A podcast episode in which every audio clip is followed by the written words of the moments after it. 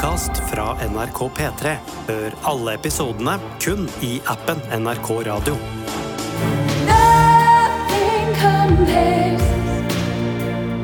Nothing compares to you.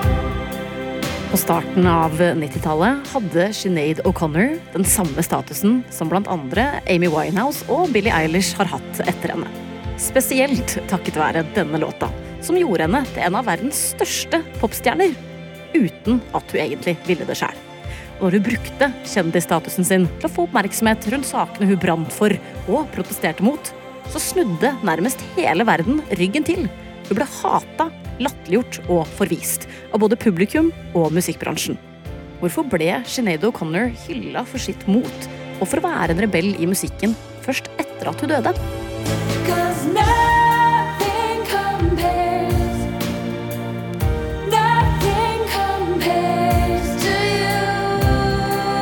Marius Asp, du er musikkanmelder i VG, og du har fulgt med på både musikken og kontroversene rundt eh, Sinead O'Connor siden du ble musikkinteressert som liten. Hvordan oppdaga du hun i utgangspunktet? Så mange andre oppdaga henne i 1990, når hun kom med sin versjon av Nothing Compares to You. Eh, Og det var jo veldig åpenbart, eh, selv for en 10-11-åring, at det var noe helt spesielt med henne. Både musikalsk og også stilmessig, altså visuelt. Så hun, hun klarte å, å kape hjertet til en ung eh, rockegutt. Men etter hvert ble hun jo mer kjent for kontroversene rundt sin personlighet enn eh, selve musikken. Altså Støyen rundt henne ble høyere enn musikken hennes. Det er jo kanskje ikke så rart, for personligheten hennes og sakene hun protesterte mot, forstår vi litt bedre når vi vet hva hun kommer fra. Og da må vi tilbake til Irland på midten av 60-tallet. Ja, for Sinead O'Connor ble født i 1966 i Dublin. Og hun ble jo oppdratt som katolikk, som stort sett alle andre i det veldig religiøse landet. Men på midten av 70-tallet ble foreldrene skilt, så fra hun var åtte bodde hun med mamma, og Sinead har senere beskrevet de neste årene som helt forferdelige. Hva var det egentlig hun opplevde etter at eh, mora og faren flytta fra hverandre? Mora var ekstremt religiøs, noe som førte til en serie med avstraffelse for Sinead.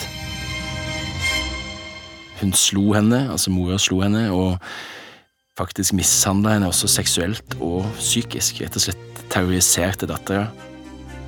For eksempel da hun med åtte tvang mora Jeanette til å bo ute i hagen i over to uker. Jeanette bodde i et telt inntil husveggen, og det lyste ett lys i ett av vinduene fra huset, som hun husker at hun følte trygghet ved. Så slukka mora lyset hver eneste kveld, sånn at hun var utendørs i mørket gjennom hele natta. Og dette synger hun jo om når hun senere blir artist. På sitt første album er det hjerteskjærende når en kjenner historien. And you should have left the light on. You should have left the light on. Then I wouldn't have tried. You'd never have known. Det er jo helt forferdelige scener eh, du beskriver her, og tenker på at noen faktisk har eh, opplevd dette på ekte, det, det skjærer jo virkelig i, eh, i hjertet. Og det er ikke noe unnskyldning for å behandle barn på denne måten, men i senere tid så har jo Sinead på en måte rasjonalisert litt ved å, ved å se på det som et slags generasjonstraume når du vokser opp i et så religiøst land. I spent my entire childhood being beaten up because of the social conditions under which my mother grew up, and under which her mother grew up, and under which her mother and her mother grew up. Og dette sier jo noe om kvinners posisjon i Irland på denne tida, men Sinead har jo en pappa også. Eh, var han helt fraværende? Nei, men han sa ingenting, og mishandlinga ble jo skjult for omgivelsene, som i så mange andre familier. Men alt sammen påvirka selvsagt unge Sinead, som hadde mange skolebytter. Noe hun blir konfrontert med seinere når hun er blitt kjent på en nokså motbydelig måte av en programleder på TV som skylder på henne. You were a difficult child, Sinead O'Connor. you were difficult growing up. You went through a lot of schools, did you not? I think quite a few at the expense of my father. How many schools did you go through and why? Um, God, I, th- I think, I don't know how many, Dad. About five. Five or six. How many schools did she go through? I'd say no more than the five or six. Five or six. I think it's a bit exaggerated, actually. though. That's in one year, of course. Å bytte skole var jo ikke det eneste hun måtte. Etter hvert ble hun kasta ut hjemmefra fordi hun gjorde opprør. og hun ble sendt for å bo i et nonnekloster som også fungerte som psykiatrisk sykehus, men det var som et fengsel for kvinner som hadde blitt voldtatt av menn høyere oppe i det irske samfunnet, og et fosterhjem for jenter som Sinead. Så allerede fra ung alder så ser jo Sinead hvordan det irske samfunnet behandler eh, kvinner, eh, selv når de ikke de har gjort noe feil sjøl. Og det må jo ha satt dype spor i et så ungt eh, sinn. Det er jo rett og slett bekmørkt, det greiene her. Hva blir redninga for Sinead i disse årene? Hun elsker musikk, og heldigvis for henne så kommer det en gitarlærer til klosteret som blir helt blåst i bakken første gang hun hører Sinead synge. Såpass at hun seinere får ordna det sånn at Sinead kan få fri fra klosteret for å synge i bryllupet hennes.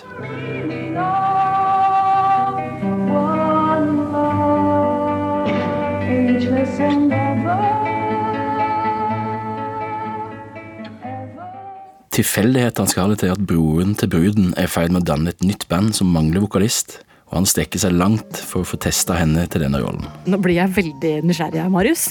Først får han snike inn en kassett til Sinead i klosteret, som han får tilbake dagen etter med en ferdig skrevet låt, både tekst og melodi. Så får bandmedlemmene snike henne ut av klosteret en ettermiddag for å spille inn låta og kjøre henne tilbake før nonnen merker at hun er borte. Altså For en vill historie. Det er nesten som å følge med på en eh, thriller, det her. Ja, det er jo litt thrilleraktig også, for den låta de lager sammen handler om nettopp hvordan Sinead blir behandla av nonnene i klosteret.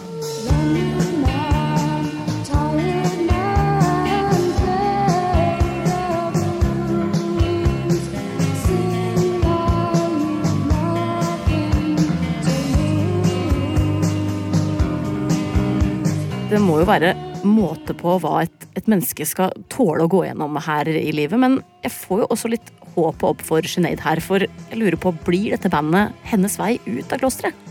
Nei, dessverre. Hun er jo fortsatt bare 15 år gammel på dette tidspunktet, og de syns hun er for ung. Det er først noen år seinere, når Sinead tar saken i egne hender, at ting begynner å skje. They put an ad in Hot Press magazine that I was a singer and I wanted to find a band to join. And I remember going into these suburban houses doing auditions for these various different bands. En irsk musiker og produsent som heter Colum Farrelly tar kontakt, og sammen med et par andre musikere danner de bandet Tonton Makut. So I became the singer in that band.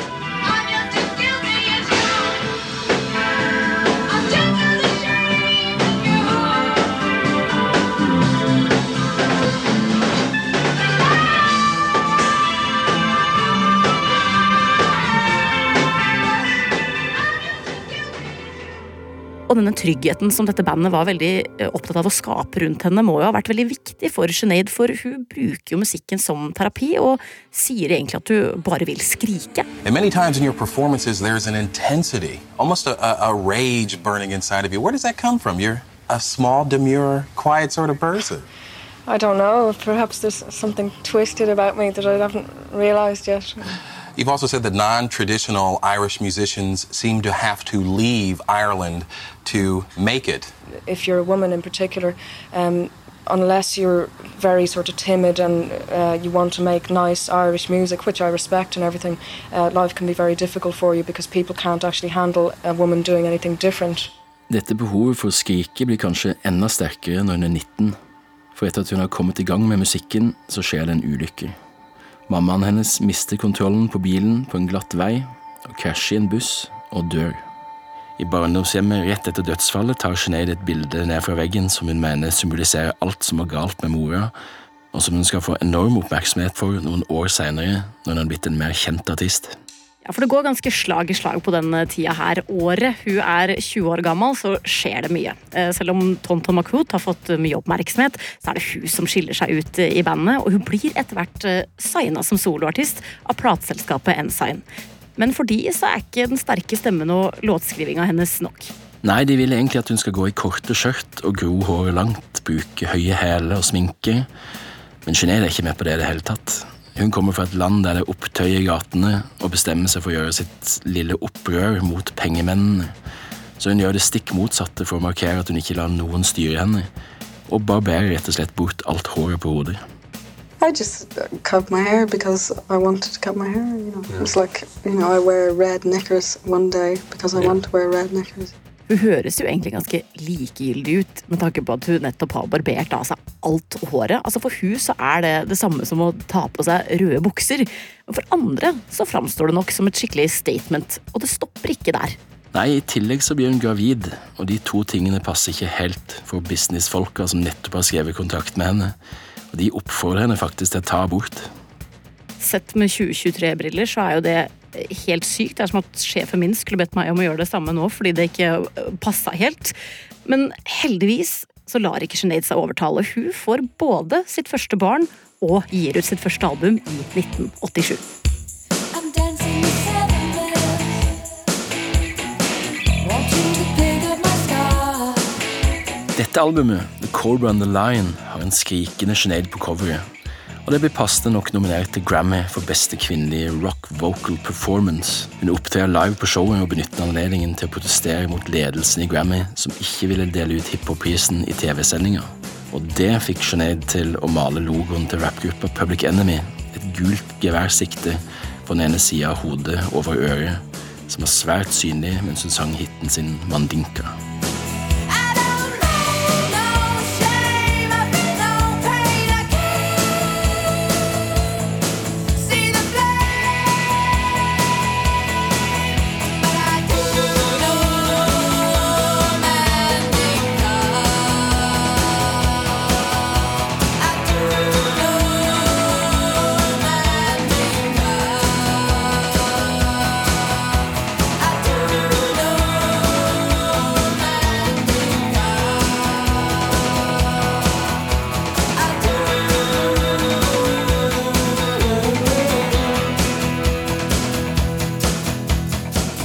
Tross av eh, denne lille protesten så blir det jo ekstremt godt tatt imot i USA, og på starten av 90-tallet så er Sinead i ferd med å skyte inn i kjendissfæren, og det er knytta store forventninger til henne som artist. Når hun er klar med andre albumet, I Don't Want What I Haven't Got, syns plateselskapet at teksten hennes høres ut som en dagbok, og de vil ikke gi det ut. Men den 23 år gamle Sinead nekter å inngå kompromisser. Men hun tenker at det kan være noe å hente i å gå i en litt mer poppa retning.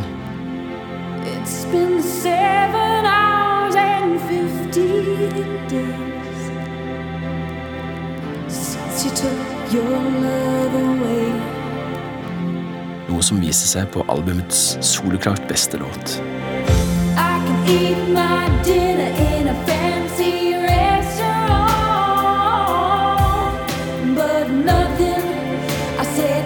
nothing can take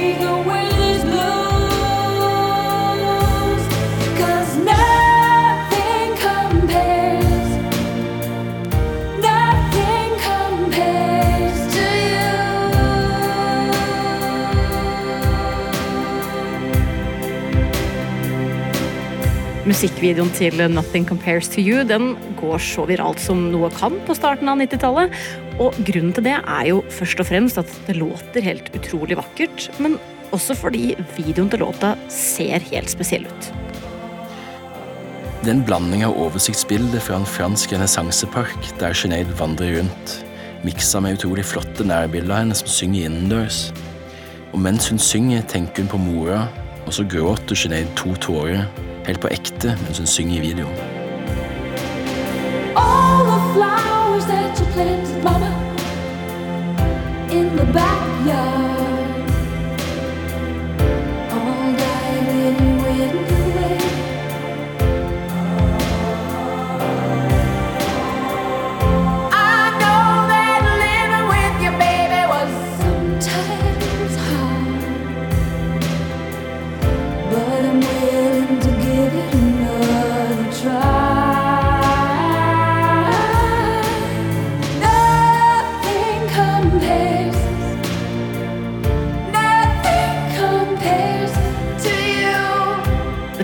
Blir jo en megahit, kanskje 90-tallets største klinelåt, og den går til topps i 14 land, inkludert Norge.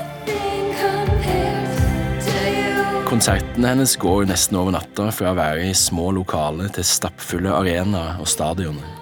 Så i 1991 er hun en av de aller største popstjernene i verden. Mot sin vilje, egentlig.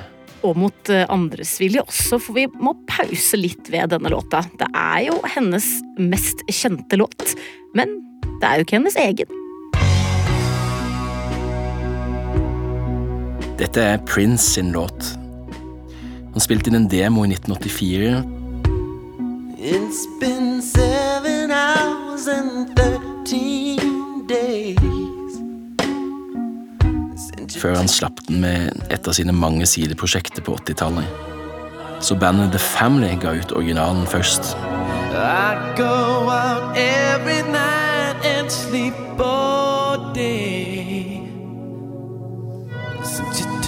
Your love away. Oh, oh, oh, Hvordan tar egentlig Prince, som jo er kjent for å være ganske kontrollerende, for å si det mildt, at eh, Sinead får en såpass mye større hit med hans låt enn han sjøl klarte? Hvis vi skal tro på kildene, tar han egentlig svært dårlig. Han sparker hele managementet sitt. Kvitter seg rett og slett med de tre han holder ansvarlig for denne fadesen. A lot of times people think I'm doing Sinead O'Connor songs when in fact I wrote those songs. Covering music means that your version doesn't exist anymore. Jeg skjønner jo at det er litt, eh, litt bittert, det her. Jeg er jo veldig for eh, credit where credit's due, men å sparke hele managementet sitt eh, som en reaksjon er vel kanskje litt i overkant. Det blir verre, Anna. For ifølge Sinead selv fikk hun invitasjon til Prince sin mansion i Los Angeles etter at Nothing Compares to You gikk til topps. It was a very frightening experience, actually. He summoned me there because he was uncomfortable with the fact that I wasn't a protege of his. I had just recorded the song, and he was wanting me to be a protege of his. Når hun kom dit, så havna hun i putekrig med Prince. Og hun hevda at han hadde putta noe tungt i putene han kasta på henne. Jern eller stein eller noe lignende. Det gjorde vondt å bli truffet. Five o'clock in the morning, we're running around his car. I'm spitting at him, and he's trying to punch me. He's got a pillow that he's trying to hit me with. We're running around his car, and I'm spitting across the car at him. Then I had to go ring someone's doorbell, which my father always told me to do if I got in a situation like that. You know. Hun ler jo litt mens hun forteller her, men dette høres jo eh, helt, eh, helt vilt ut. Hva er det egentlig som skjedde? Det hele endte med at han jagde henne rundt i huset og ut på gårdsplassen, der han fortsatte å kaste pute etter henne. Rundt en bil mens hun spytta på han. Så Prince føyer seg altså inn i rekka av folk som, eh, som prøver å bremse Sinead, rett og slett. Men det, det får han jo ikke til. Uh, harde gjenstander i puter til tross. For denne låta her den gjør Sinead så stor og populær at andre albumet hennes det selger fjerde mest i USA i 1991. Og hun blir første kvinne som vinner MTVs Video of the Year og blir nominert til flere Grammys. Never, this has never happened to me before, so I don't really know what to say except thank you very peace. Selv om hun har blitt litt mer poppa, så er det fortsatt en punker i henne. Og den kommer fram når hun hisser på seg store deler av USA når hun nekter å gjøre konserten sin i New Jersey fordi arrangøren vil spille den amerikanske nasjonalsangen før hun går på. Det ender med at The Star Spangled Banner måtte vike for Sinead. Sinead O'Connor is being shaved from the airwaves because of her recent refusal to perform in concert if the national anthem was played. With American soldiers on foreign soil poised for conflict, patriotism is running at fever pitch. Dette skaper jo overskrifter og hat mot henne i USA. If you don't like America, get the hell out. My opinion is she should go back to Ireland or wherever the hell she is from. De går jo veldig fort fra å elske og omfavne henne til å rett og slett hate henne. Don't tell my country you can't play the national anthem. I didn't put the marine green on to listen to some bald-headed Irish girl tell me I can't hear my national anthem. One extreme patriot is Frank Sinatra, who said he would like to kick her ass. Jeg vet ikke om jeg skal le eller grine når jeg hører det her, at til og med den kjente amerikanske sangeren Frank Sinatra ville banke opp Sinead. Hva gjør disse reaksjonene med henne? Det virker litt som det tenner henne til å provosere enda mer, for hun fortsetter å hyle ut sin frustrasjon over det hun opplever som galt i samfunnet. An artist's job is sometimes to create the difficult conversations that need to be had. And it's none of my business what anyone thinks of me when I do that.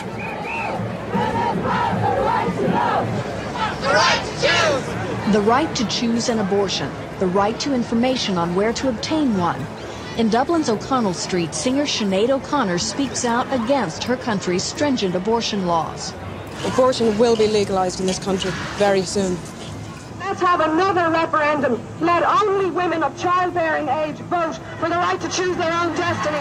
Fra kvinners rettigheter og selvbestemmelse over egen kropp hjemme i Irland til musikkbransjen. I think that w- certainly the industry can be extremely uh, patronizing towards women. You're supposed to have long hair, wear push-up bras and, and lip gloss, uh, you know, and shut up and sing. Maybe if I was a man, there wouldn't be such a fuss about it. Hun boikotter Grammy det året hun blir nominert til de gjeveste prisene, og vinner for beste alternative opptreden, en helt ny kategori det året. Men hun nekter å ta imot Grammyen som første artist i historien, og hun begrunner det med at Grammy kun fokuserer på artister med suksess. It is the creative community that are driven by greed. That's why none of them are saying anything. Aktivisten Sinead har jo stadig noe nytt eh, å melde, og det kan jo ha bidratt til at folk begynte å gå litt lei av henne. Men det her er jo bare småting sammenligna med det hun skal gjøre når hun inviteres til å spille en låt på et av USAs største liveshow på TV. Thank you. It's great to be here. Wow, Saturday Night Live, second show of the 18th season.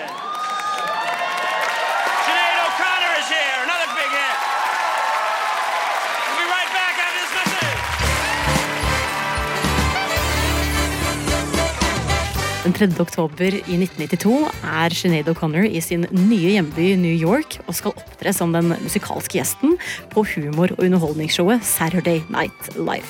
Hun har sagt til crewet at hun også gjerne vil vise bilde av et fattig, underernært barn, og oppfordres gjerne til å støtte hjelpeorganisasjoner. Hva gjør hun i stedet? until the philosophy which holds one race superior and another inferior and everywhere. Hun fremfører en tekst om hvites undertrykkelse av svarte, eh, som opprinnelig var en tale som keiser Haile Selassie av Etiopia holdt i FN-forsamlinga, som senere ble til en låt av Bob Marley. Child abuse, yeah. Child abuse, yeah. Hun fremfører den med en voldsom intensitet. altså Hun stirrer i kameraet under hele fremførelsen. Når hun kommer til slutten, så øker hun intensiteten idet hun starter på linjen om barna. Children, children, fight. Og hun drar fram et bilde hun har holdt skjult for kameraene. Et stort fotografi av pave Johannes Paul 2. da han besøkte Irland. Det samme bildet som hun tok fra veggen til mora etter at hun døde. Og idet hun synger 'Evil', så holder hun bildet mot kamera og river det i småbiter.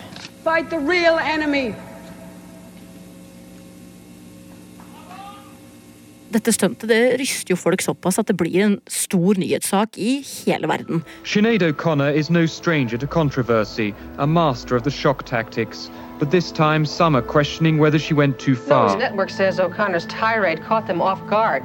NBC logged a thousand complaint calls. Her actions However, Saturday night were spontaneous, certainly unauthorized by NBC, and NBC was offended by what she did.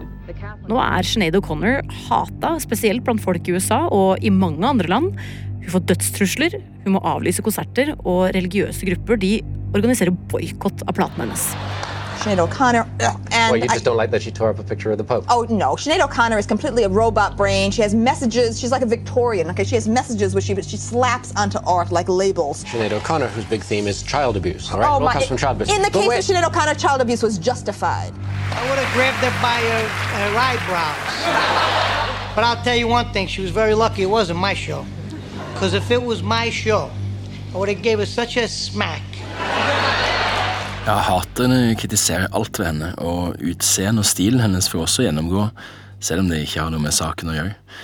Og for musikken hennes sin del går det så langt at eh, det arrangeres en protest mot henne på Times Square i New York, der folk kan møte opp for å ødelegge platene de eier. Tapes, we're going to uh, chop up these tapes. Actually, we were just going to send them to her. Someone said, don't send her the tapes new, break them up, because she'll sell them again. So we're going to break them up and uh, put them in a trunk and have someone deliver them to her an island wherever she may be. Og en bulldoser valsa over LP-en og CD-en hennes. Det er jo helt drøyt hvor langt enkelte er villige til å strekke seg for å vise sin misnøye overfor Sinead, og det får hun sjøl merke, for hva skjer to uker etter SNL-opptredenen? Det er en booka til å opptre på Bob Dylans 30-årsjubileum som artist. I'm real proud to introduce this next artist whose names become synonymous with courage and integrity. Ladies and gentlemen, Sinead O'Connor. Når hun entrer scenen i Madison Square Garden for å synge en av hans sanger, møtes hun av et øredøvende og evigvarende buekor.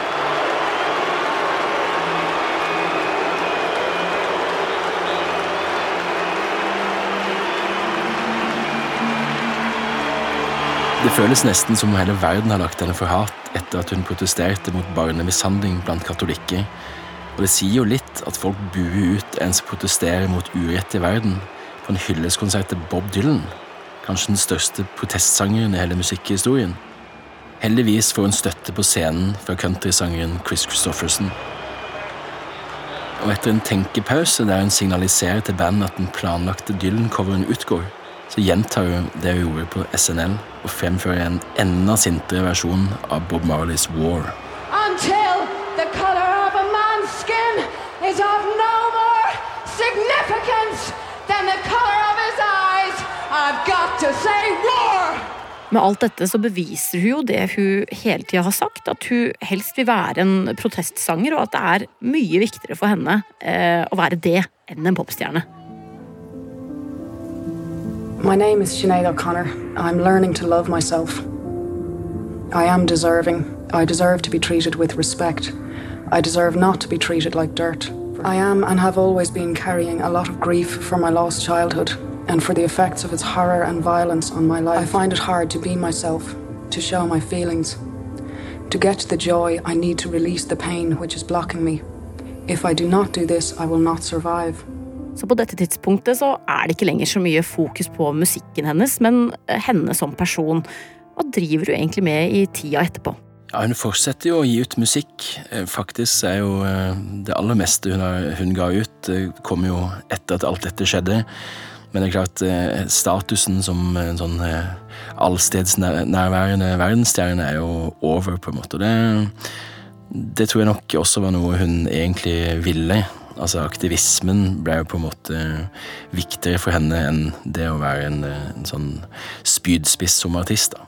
Det finnes en del gullkorn i, i denne, blant disse platene her også, blant annet en helt nydelig versjon av en Nirvana-låt som heter All Apologies. In the sun, in the sun,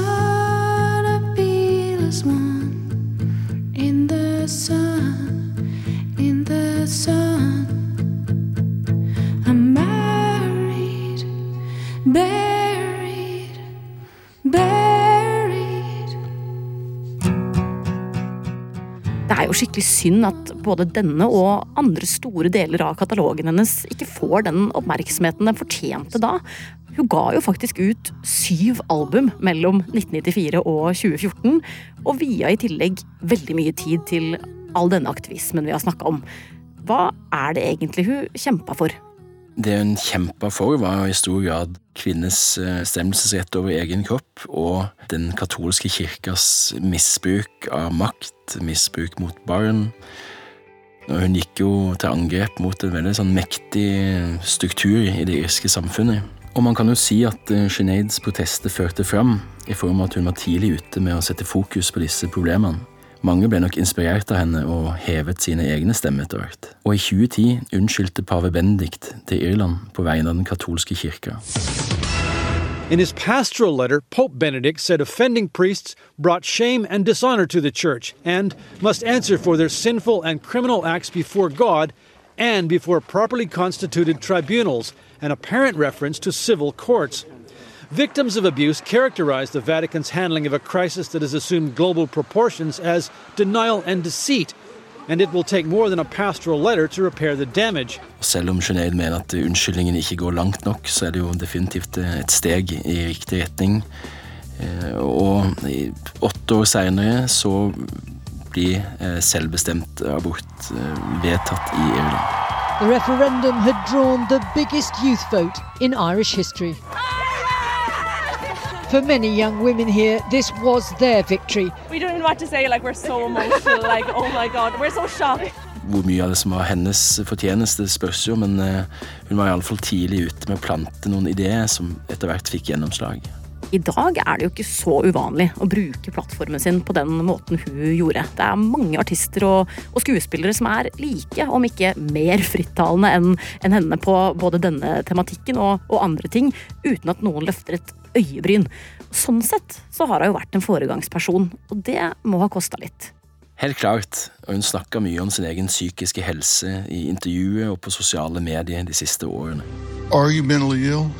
I don't believe I am, no. Unless you say that complex post-traumatic stress disorder is a mental illness. You know, I'm a little out there. I'm unusual, irregular, eccentric. Hun levde med diagnosene posttraumatisk stressyndrom og borderline personlighetsforstyrrelse. Og hun var suicidal flere ganger. I noen intervjuer snakka hun helt ufiltrert om at livet hennes var veldig vondt og vanskelig, og det ble selvfølgelig ikke bedre i fjor, da sønnen hennes tok sitt eget liv. My life has been terrible, terrible, terrible, terrible, terrible, terrible. Det der må jo ha vært helt brutalt for henne, eh, etter et allerede ikke veldig lett liv.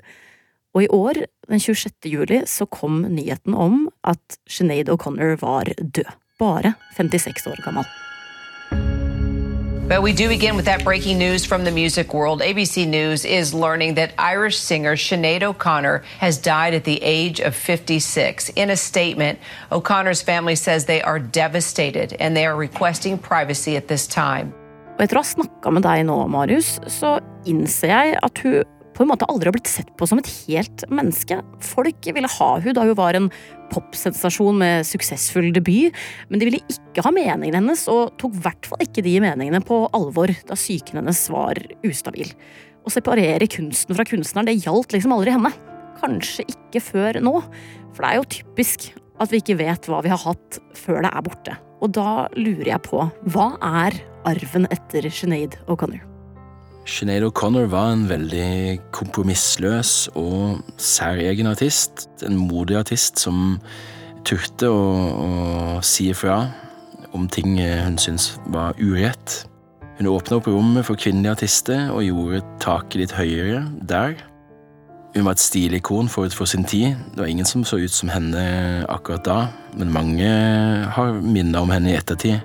Og så er det jo beundringsverdig å hoppe av popsirkuset når det først har eh, dratt deg inn.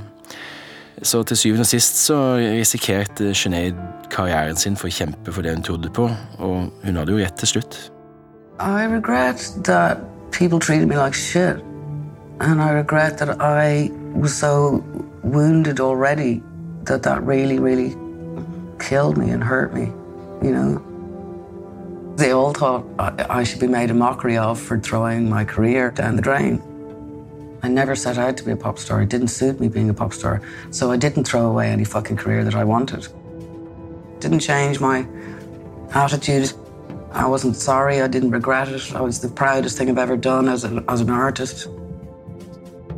They broke my heart and they killed me. But I didn't die. They tried to bury me. They didn't realize I was a seed. Du